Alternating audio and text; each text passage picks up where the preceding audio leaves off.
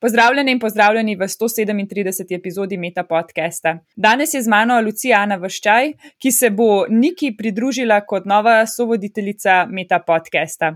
Lucija uh, svoj doktorat opravlja na katedri za klinično biokemijo na fakulteti za farmacijo, uh, študira doktorski študij pa opravlja na programu klinična biokemija in laboratorijska biomedicina.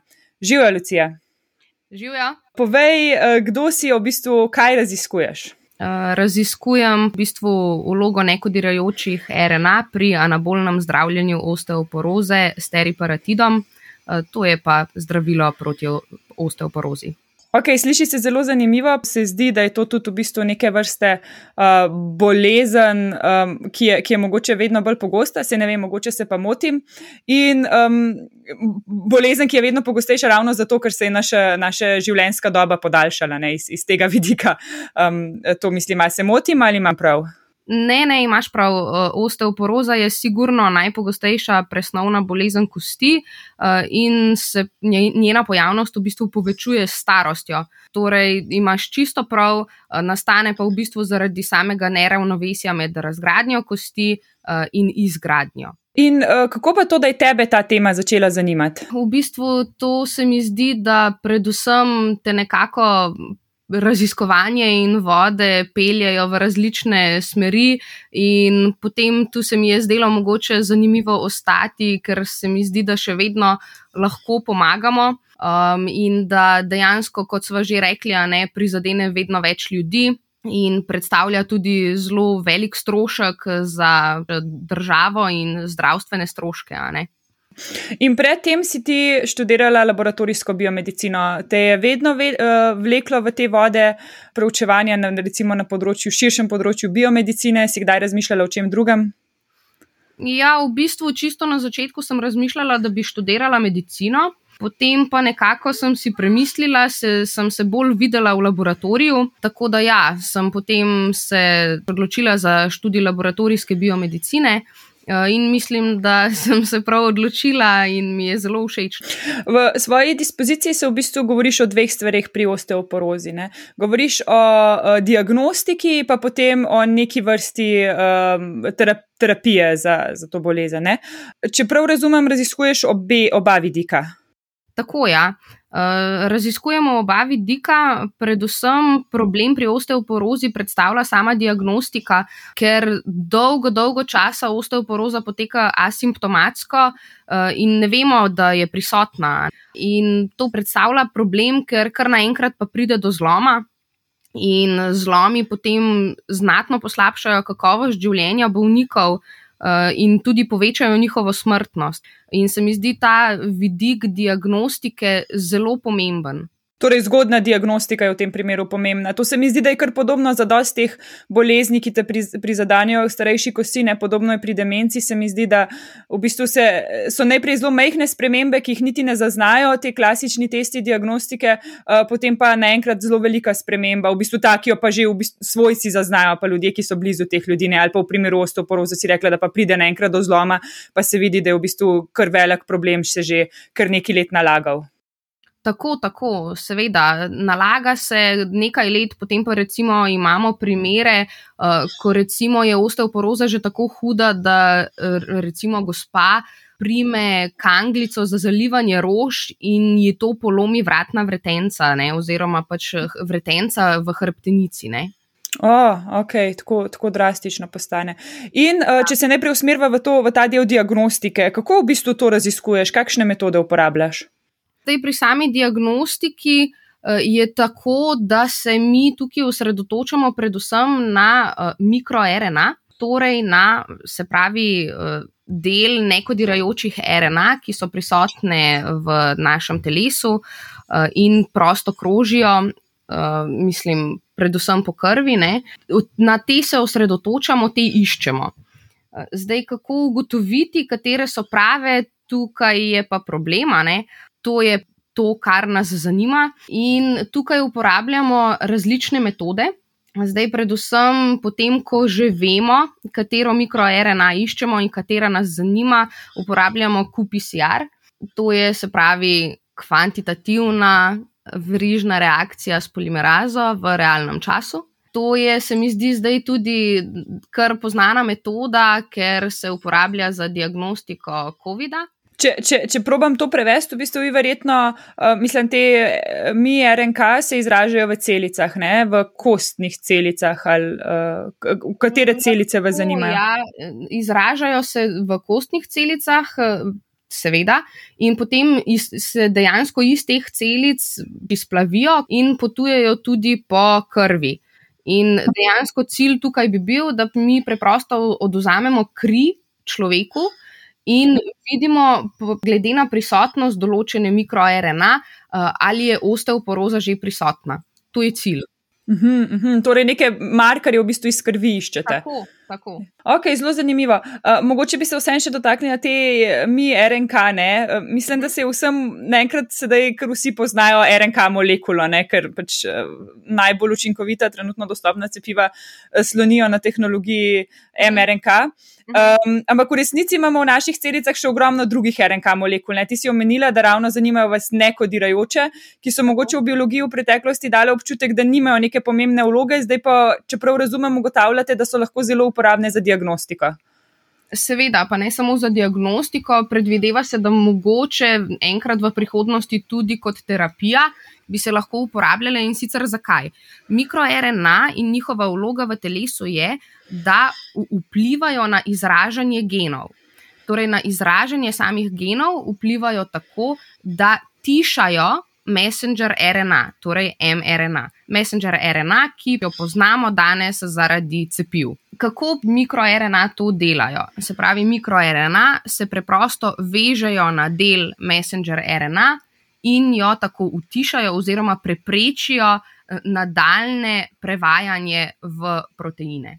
In s tem, verjetno, tudi v primeru osteoporoze, potem povzročijo, da, da, da, da, da te kosti na koncu ne ta efekt, da, da so celice v celicah očitno ni nekega proteina, ki ga te nujno potrebujejo, ampak končen efekt je pa to, da kosti niso več, um, nimajo več te strukture, ki jo potrebujejo in se začnejo lahko preprosto lo, lomiti, če prav razumem. Sem zdaj to malce preveč ja, preskokov naredila. Mogoče, mogoče si mal veliko preskočila. Zdaj problem tukaj pri teh mikroRNA je, da mi še vedno točno, točno ne vemo, katere so v sami. V, pri samem nastanku bolezni zelo pomembno, mi to iščemo tudi tukaj, tudi to je del moje doktorske disertacije, torej iskanje teh pravih mikroRNA, ki so povezane v proces uh, osteoporoze. Um, in tukaj pa nastaja spet en problem. Namreč v telesu je prisotnih veliko mikroRNA. Ki so nespecifične. Torej, recimo, mikroRNA 21 je taka najbolj mogoče poznana, se nahaja v veliko tkivih, skoraj vseh, in slabo specifična. Ne? In zdaj, recimo, pričakujemo, da tudi v povezavi z osteoporozo jo bomo odkrili, ampak nam ne bo dosti pomagalo, ker se nahaja tudi v drugih tkivih, kar pomeni, da lahko vpliva ne samo na kosti, ampak vpliva recimo tudi na ne vem. Uh, ostale procese v možganjih, in tako naprej. Mhm, ok, ok, kar, kar zapletena v bistvu oganka, kot neka detektivska zgodba se sliši, v bistvu, um, uh, da bi res določili specifično. Vse to se kaj pogosto izkaže pri uh, molekularni biologiji, se mi zdi. Um, da, da... Imamo še en problem, ne, se pravi, tudi ena mikroRNA lahko vpliva na izražanje več različnih genov, kar pomeni, da z tega vidika je spet zelo komplicirano, ker če recimo se ena mikroRNA poveča, in utiša to povečanje nek gen, ki je mogoče zelo pozitiven za uh, izgradnjo kosti, pa hkrati to povečanje lahko vpliva na nek, neko drugo izražanje drugega gena, ki pa negativno vpliva na gradnjo kosti. Kar pomeni, da, da spet nismo v bistvu odkrili tiste prave mikroRNA, ki bi tukaj mogoče predstavljala neko, nek terapevtski potencial. Uh -huh, uh -huh. Okay. Torej, zdaj si glih omenila terapevtski potencial. Um, en del te uporabe mikroRNK je za uh, diagnostiko, da, za, da bi čim prej zaznali to bolezen, drug del tvojega doktorata se pa ukvarja s terapeutiko. Ne? Mogoče lahko kaj več o tem poveš. Uh, ja, zdaj za osteoporozo sicer poznamo kar veliko zdravil, ki zmanjšujejo tveganje za zlom. Ta zdravila razvrstimo v dve skupini in sicer na antiresorptive in osteoanabolike. Zdaj, teh antiresorptivov, ki se pravi, preprečujejo resorpcijo ne, kalcija in mineralov iz kosti, poznamo več in to se bolj uporablja. Um, recimo, poznamo bisfosfonate, to so taki najbolj značilni antiresorptivi. Uh, ampak zaradi same povezave med kostno resorpcijo in tvorbo, pa pač antiresorptivi poleg resorpcije zavirajo tudi tvorbo. In ni to najbolje. Zato se osredotoča predvsem terapeutika na osteoanabolike, in to je tudi ta teriparatit, na katerega se jaz osredotočam. Um, in osteoanabolna zdravila pa predvsem gradijo kosti. Na nek način dajo podporo v bistvu kosti, pol, um, ki, jo je, ki jo je izgubila, če prav razumem. Ko, se pravi, kosti s starostjo izgubljajo, predvsem na svoji trdoti, in uh, tukaj osteoanabolna zdravila pa potem spet omogočajo uh, to gradnjo kosti in nalaganje mineralov. Uh -huh, uh -huh, uh -huh. Uh, kaj pa prav tebe specifično zanima glede terapeutike? Uh, mene specifično zanima predvsem teriparatit in sicer zakaj. Teriparatit je zdravilo, ki se uporablja, uporablja lahko samo dve leti in je zelo drago. Uh, je pa tako, v principu zelo pomaga, ampak samo določenim ljudem. Določeni ljudje se pa na to zdravilo sploh ne odzivajo ali pa se zelo slabo odzivajo. In zdaj nas zanima, kaj dejansko je tukaj ozadje, kaj je vzrok za to. In sumimo, da obstaja tukaj neka genetska povezava in to iščemo in raziskujemo. In tukaj cilj bi bil seveda to, da spet že pred samo aplikacijo zdravila ugotovimo, ali bi se lahko človek, ki bi prejel to zdravilo, sploh ustrezno odzival na njega. Uhum, torej, na nek način bi se potem optimizirala uporaba uh, s tem, ker se mi zdi, da medicina kar stremi proti tej neki personalizirani medicini na nek način, uh, da se dobi tiste učinkovine za človeka, ki, ki naj bi najbolj um, optimalno delovale za določeno Tako, osebo. Ja, to je čista personalizirana medicina. Ja. To bo mogoče nehvaležno vprašanje. Vem, da si zdaj nekje v sredini tretjega letnika. Že kaj, imaš že kaj podatkov zanimivih, ki bi jih želela deliti, oziroma kaj te recimo še dodatno zanima od tega, kar, kar še nisi mogoče omenila, ali, ali je to to?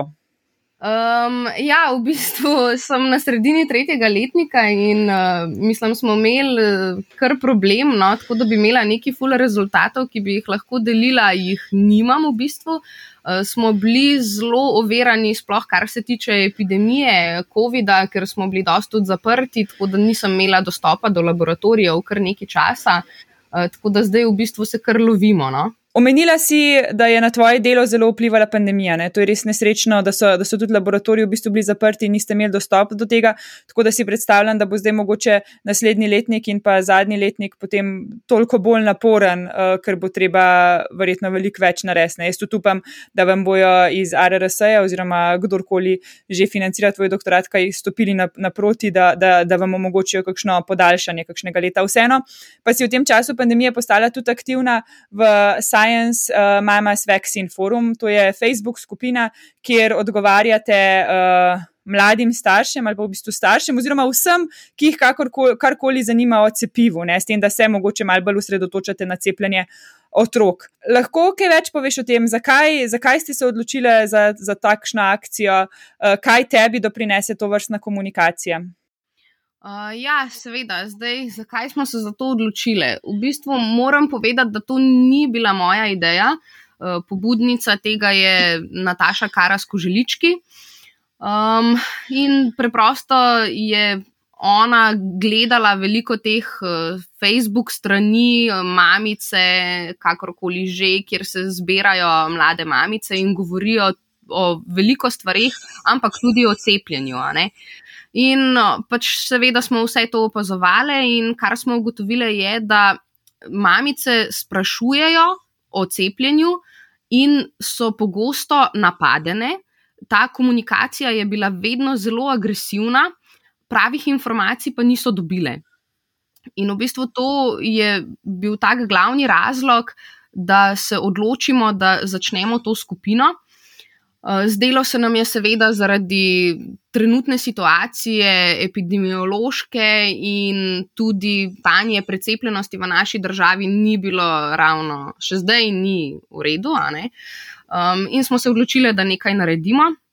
In ja, tako kot si rekla, odgovarjamo mladim mamicam, staršem, ampak eh, skupina je prerasla uh, samo začetno misel in idejo, tako da odgovarjamo vsem, odgovarjamo na vse, uh, ne samo na cepljenje, ne samo na COVID. Tako da, ja, komaj dohajamo, iščemo pomoč. Ja, ja, razumem. No, tako da, če je mogoče kdo, ki posluša, ki, ki bi tudi želel ali pa želela pomagati, se verjetno lahko tudi na vas obrnejo uh, in mogoče dobite še kakšno novo. Um, Novo glavo, ki lahko odgovarja na kakšno vprašanje.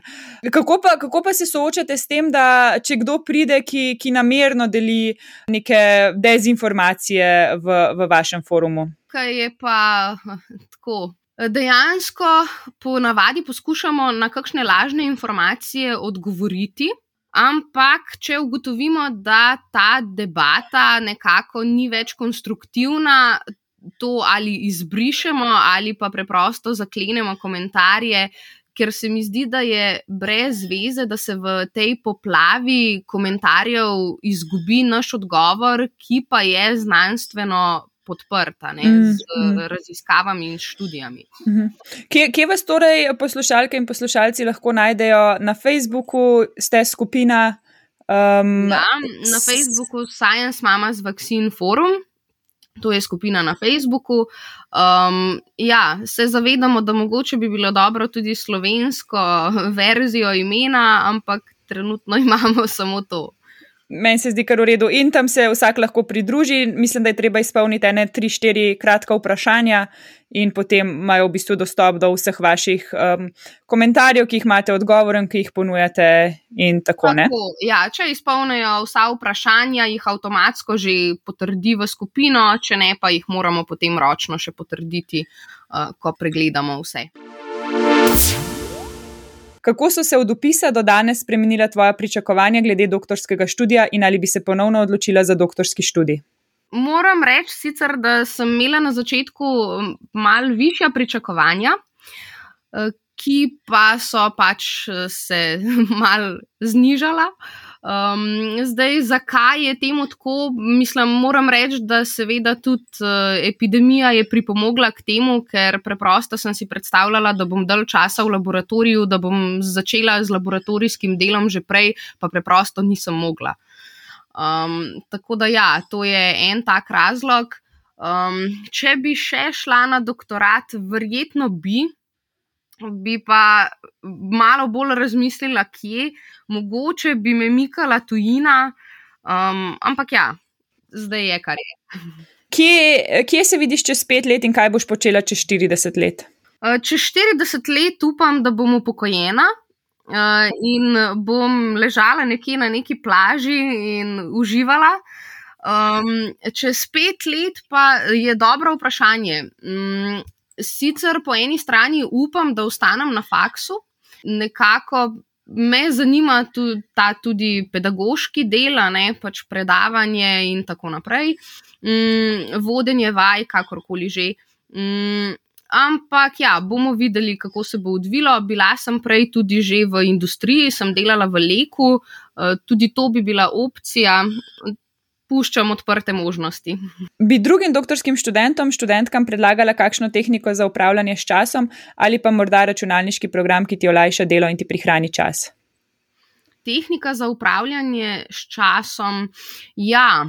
Mm, bi rekla, da jaz sicer mogoče ne vem, če je ravno za upravljanje s časom, ampak uporabljam uh, Pomodoro tehniko, če kdo to pozna. Uh, in sicer gre za to, da ugotavljam, da sem lahko res močno skoncentrirana na samo določen del časa, se pravi, recimo nekih 40 minut, potem pa potrebujem vsaj 5 minut pauze in to preprosto štopam. In mhm. potem pač 40 minut res uh, strnjeno in koncentrirano delam, potem pa naredim nekih 5-10 minut pauze in potem spet 40 minut koncentrirano delam. Se mi zdi, da mi to zelo pomaga.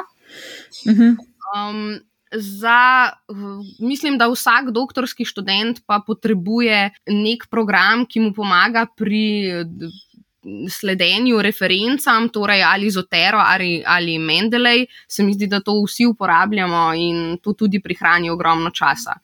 Um, kaj drugega, pa ne vem, Google koledar. ja, ok. Um, priporočilo za knjigo, igro, film, spletno stran ali podcast. Knjig, ravno kvalitetnih, moram reči, da ne berem veliko, zato ker po taki službi, kjer dejansko moram biti konstantno, močno skoncentrirana, berem zvečer nekaj. Nekaj takega, kar res ni potrebno, da veliko razmišljam.